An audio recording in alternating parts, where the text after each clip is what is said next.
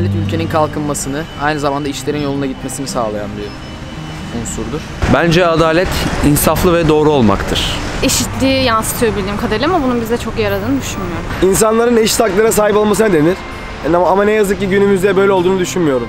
Özgürlük, mutluluk, eee, huzurlu bir yaşam vesaire.